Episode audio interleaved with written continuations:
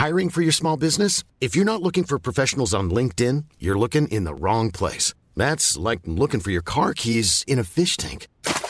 LinkedIn helps you hire professionals you can't find anywhere else, even those who aren't actively searching for a new job but might be open to the perfect role. In a given month, over 70% of LinkedIn users don't even visit other leading job sites. So start looking in the right place. With LinkedIn, you can hire professionals like a professional. Post your free job on linkedin.com slash people today.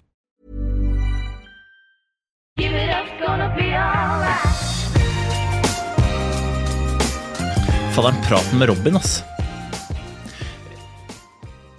Jeg kan ikke si noe annet enn at jeg blir ekstremt inspirert av, av fyren. Eh, Og jeg ser på han som skikkelig modig.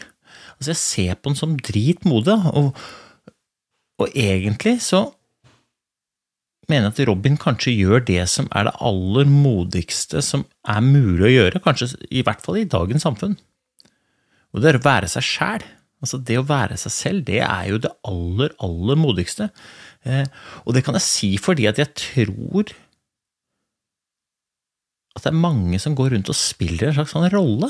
Altså jeg tror helt oppriktig at det er så mye fasade, jeg tror det er så mye staffasje, jeg tror det er så mye prestisje, og det er så mye skalkeskjul og skuespill at vi glemmer verdien av å være oss sjæl sånn som vi faktisk er, da.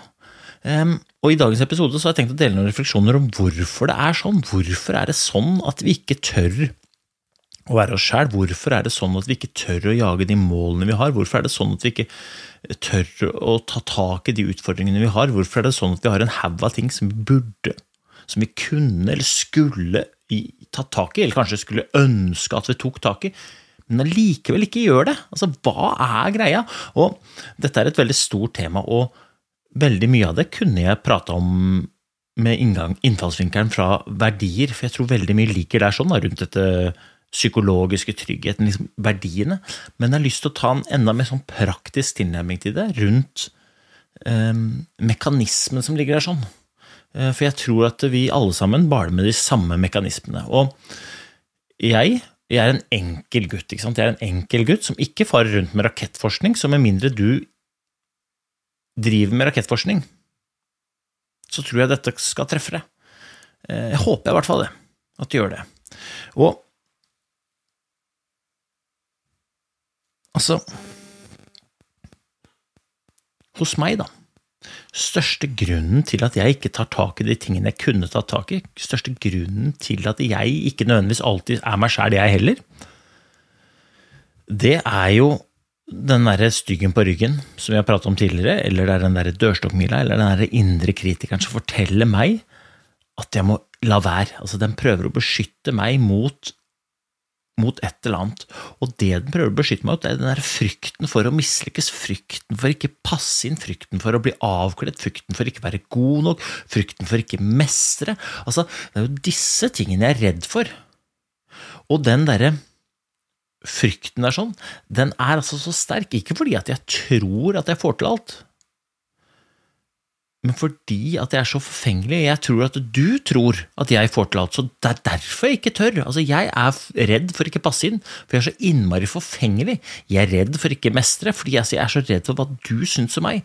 Jeg mener at vi lever i et samfunn hvor vi har en tendens til å være mer opptatt av hva andre syns om oss, enn hva vi syns om oss sjæl. Smak på det. Vi er mer opptatt av hva andre syns om oss, enn hva vi syns om oss selv. Og Robin sa det jo òg. Jeg spurte han hvorfor tok du ikke tak tidligere, så sa han at det var mange årsaker, men en av grunnene var at han ikke hadde lyst til å såre de rundt seg. Men de rundt meg, jeg er ganske trygg på at de ønsker jo at jeg skal ha det best mulig, og ikke at jeg skal gjøre alt jeg kan for at de skal ha det best mulig. De vil jo helst at jeg skal ha det best mulig, for de vet at hvis jeg har det best mulig, så vil jeg behandle de best mulig.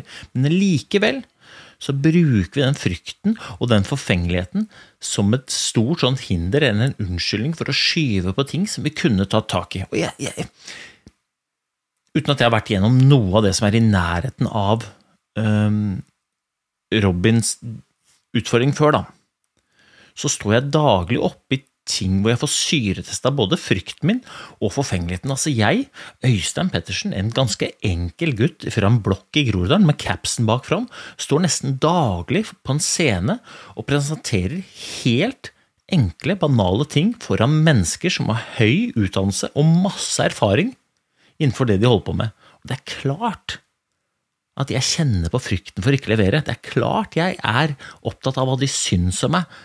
Det er klart jeg syns det er skummelt å stå der og levere et budskap, med hvert fiber i kroppen. Men jeg har lært meg til at jeg er mer opptatt av hva jeg selv syns om meg, enn hva de andre syns. For jeg får ikke styrt hva de andre syns. Det eneste jeg får styrt, er jo hvordan jeg faktisk er på den scenen. Og sånn er det med alle, andre, alle ting. altså. Mesternes mester. Jeg har vært med to ganger. Ikke kom og si at ikke du skjønner at jeg syns det er litt flaut å bli skada av å legge puslespill før første nattest i den første sesongen, og ikke kom og si at ikke du skjønner at jeg tenkte en liten runde når de da ringte meg opp igjen og spurte om jeg hadde lyst til å bli med en gang til. For hva er det jeg tenker? Jo, jeg tenker som de fleste, jeg ser framtida med de erfaringene jeg har fra før av. Jeg ser framtida med hukommelsen. Og hvor, hvilke erfaringer hadde jeg med det programmet fra før av? Jo, de var ganske dårlige. Så når jeg sa ja til å bli med sesong to, så opplever jeg det faktisk som modig å gjøre det. Det er ikke noe skummelt, men jeg hadde laget det til et slags sånn bilde om at det kunne være skummelt.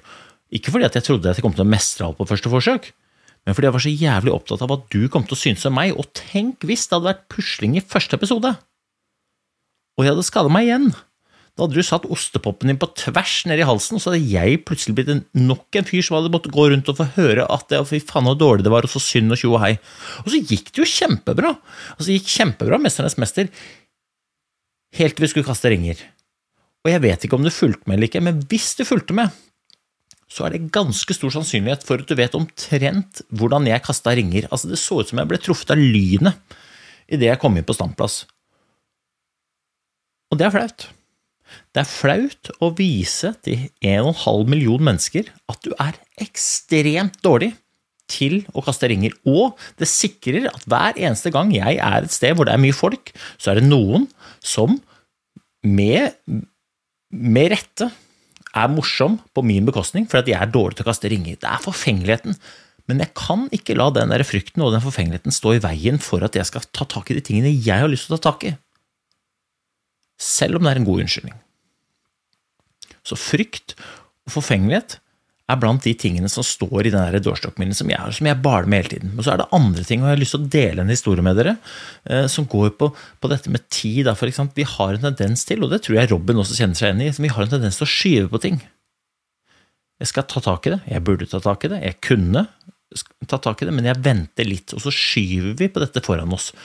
Fordi vi tror at vi har så god tid, og vi vet at vi ikke har ubegrensa med det, men likevel så, så skyver vi avgjørelsene foran oss. 7. oktober i fjor så sykla jeg en tur. På den sykkelturen så fikk jeg vondt i nakken, som spredte seg til hodet. Og Jeg husker jeg parkerte sykkelen etter å ha kommet meg hjem, hadde altså så vondt i hodet. Jeg parkerte sykkelen, tok av meg hjelmen, satte meg i gangen og satt og så holdt på hodet, for det føltes som om hjernen ikke passa inn i hodet. Og jeg satt der og prøvde å klemme hjernen inn igjen, for å liksom bare overleve. Og Så bestemte jeg meg for å komme opp i senga, så jeg åpna opp øynene og skulle ta av meg sykkelskoene. Og Idet jeg lokka opp øya, så kommer det inn noe lys fra vinduet i, i døra i gangen. Og det på grunn av det lyset så kasta jeg opp, opp flisene foran meg. Så jeg fikk tørka opp, fikk av meg sykkelskoene, kom opp i senga, la meg i senga, og smerten var altså så Den var helt sånn tullete vond.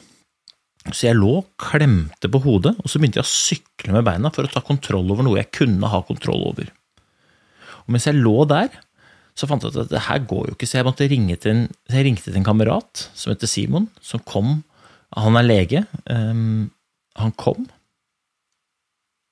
henta meg, fikk meg ned på akutten på Lillehammer, kom ned på Lillehammer eh, på akutten, ble kasta på en båre og rusha inn i radiografen. Det er der du tar bilder.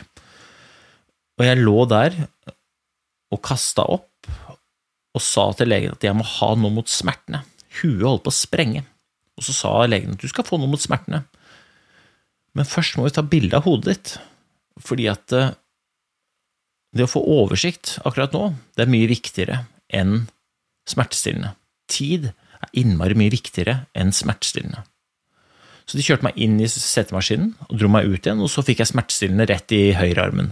Og mens jeg lå der, så kom legen tilbake, så sa hun du har fått en blødning i hodet, vi må fly deg til Rikshospitalet så fort som overhodet mulig. Og mens du nå ennå er bevisst, og mens den smertestillende virker, så vil de at vi ringer til eh, kona di, for det er ikke sikkert at du er bevisst eh, så lenge, og det er ikke sikkert du overlever.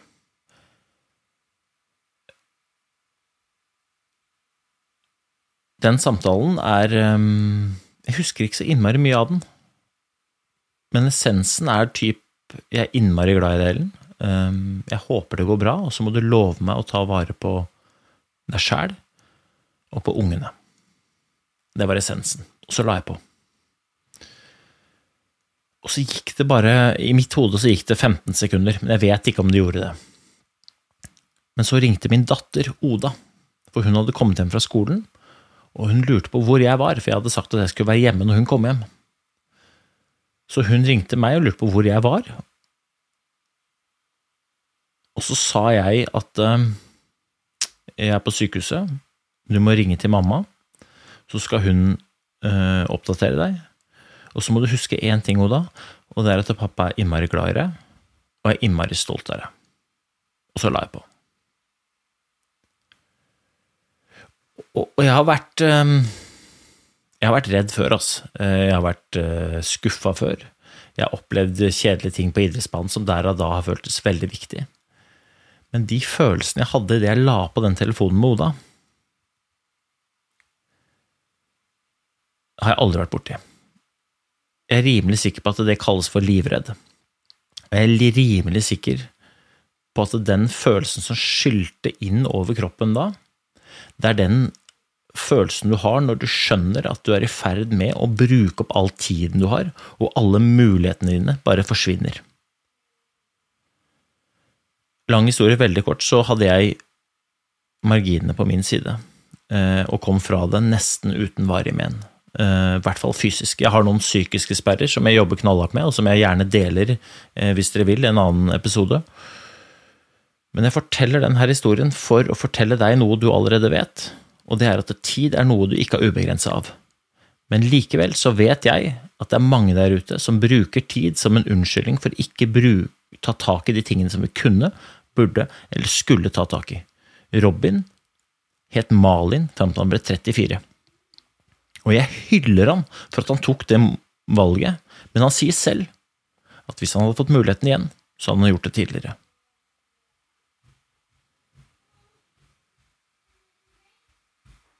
Og det er jo da Det finnes mange andre ting som står der. Det skal være en kort episode, så jeg gidder ikke å ta alle.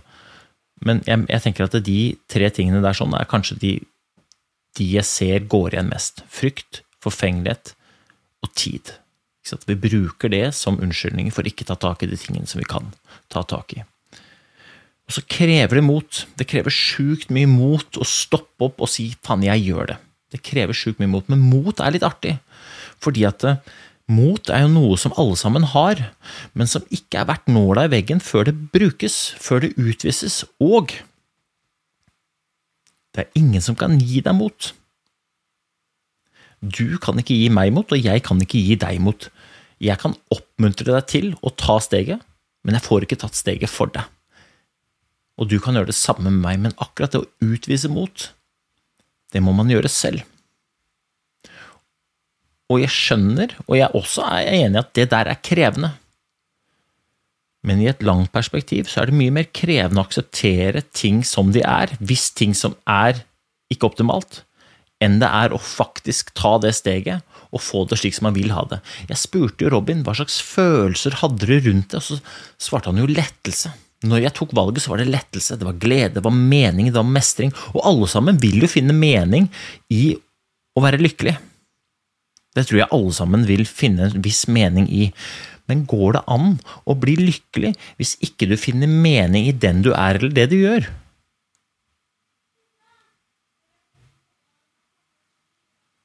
Går det an?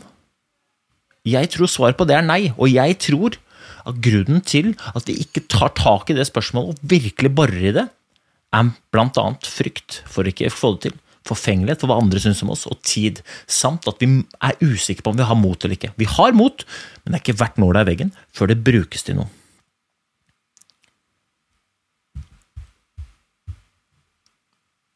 Og hvis vi ikke tar tak, da, neste gang du kjenner at det er noe som gnager, og du kjenner over tid, hva er dine gode grunner for å ikke bore i det? Hva er dine grunner til å ikke ta tak i det? Jeg vet at verdien av å ha muligheter, den er ganske stor.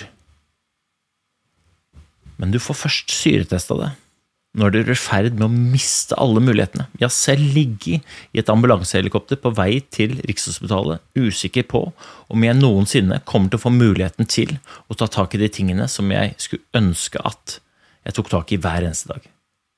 Ikke putt deg i den situasjonen, vær så snill.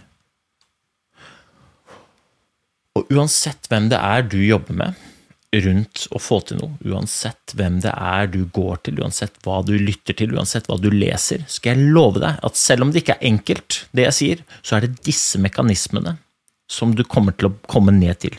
Det dreier seg om å gjøre, du kommer til å kreve en haug av eh, mot, og effekten av å utvise mot er at du er modig, og modig betyr ikke at du skal oppsøke farlige ting, det betyr bare at du må gjøre ting som du syns er litt ubehagelig. Og effekten av det, hvis det du gjør betyr mye for deg, det er glede, mening, mestring, eierskap, fremdrift, utvikling. Det er de tingene vi søker, egentlig, men som vi beskytter oss mot i frykten for å ikke klare det. Alle vil finne mening i å være lykkelig. Men går det an å være lykkelig hvis du ikke finner mening i den du er, eller det du gjør? Smak på den, da. I sjabbes. Oi.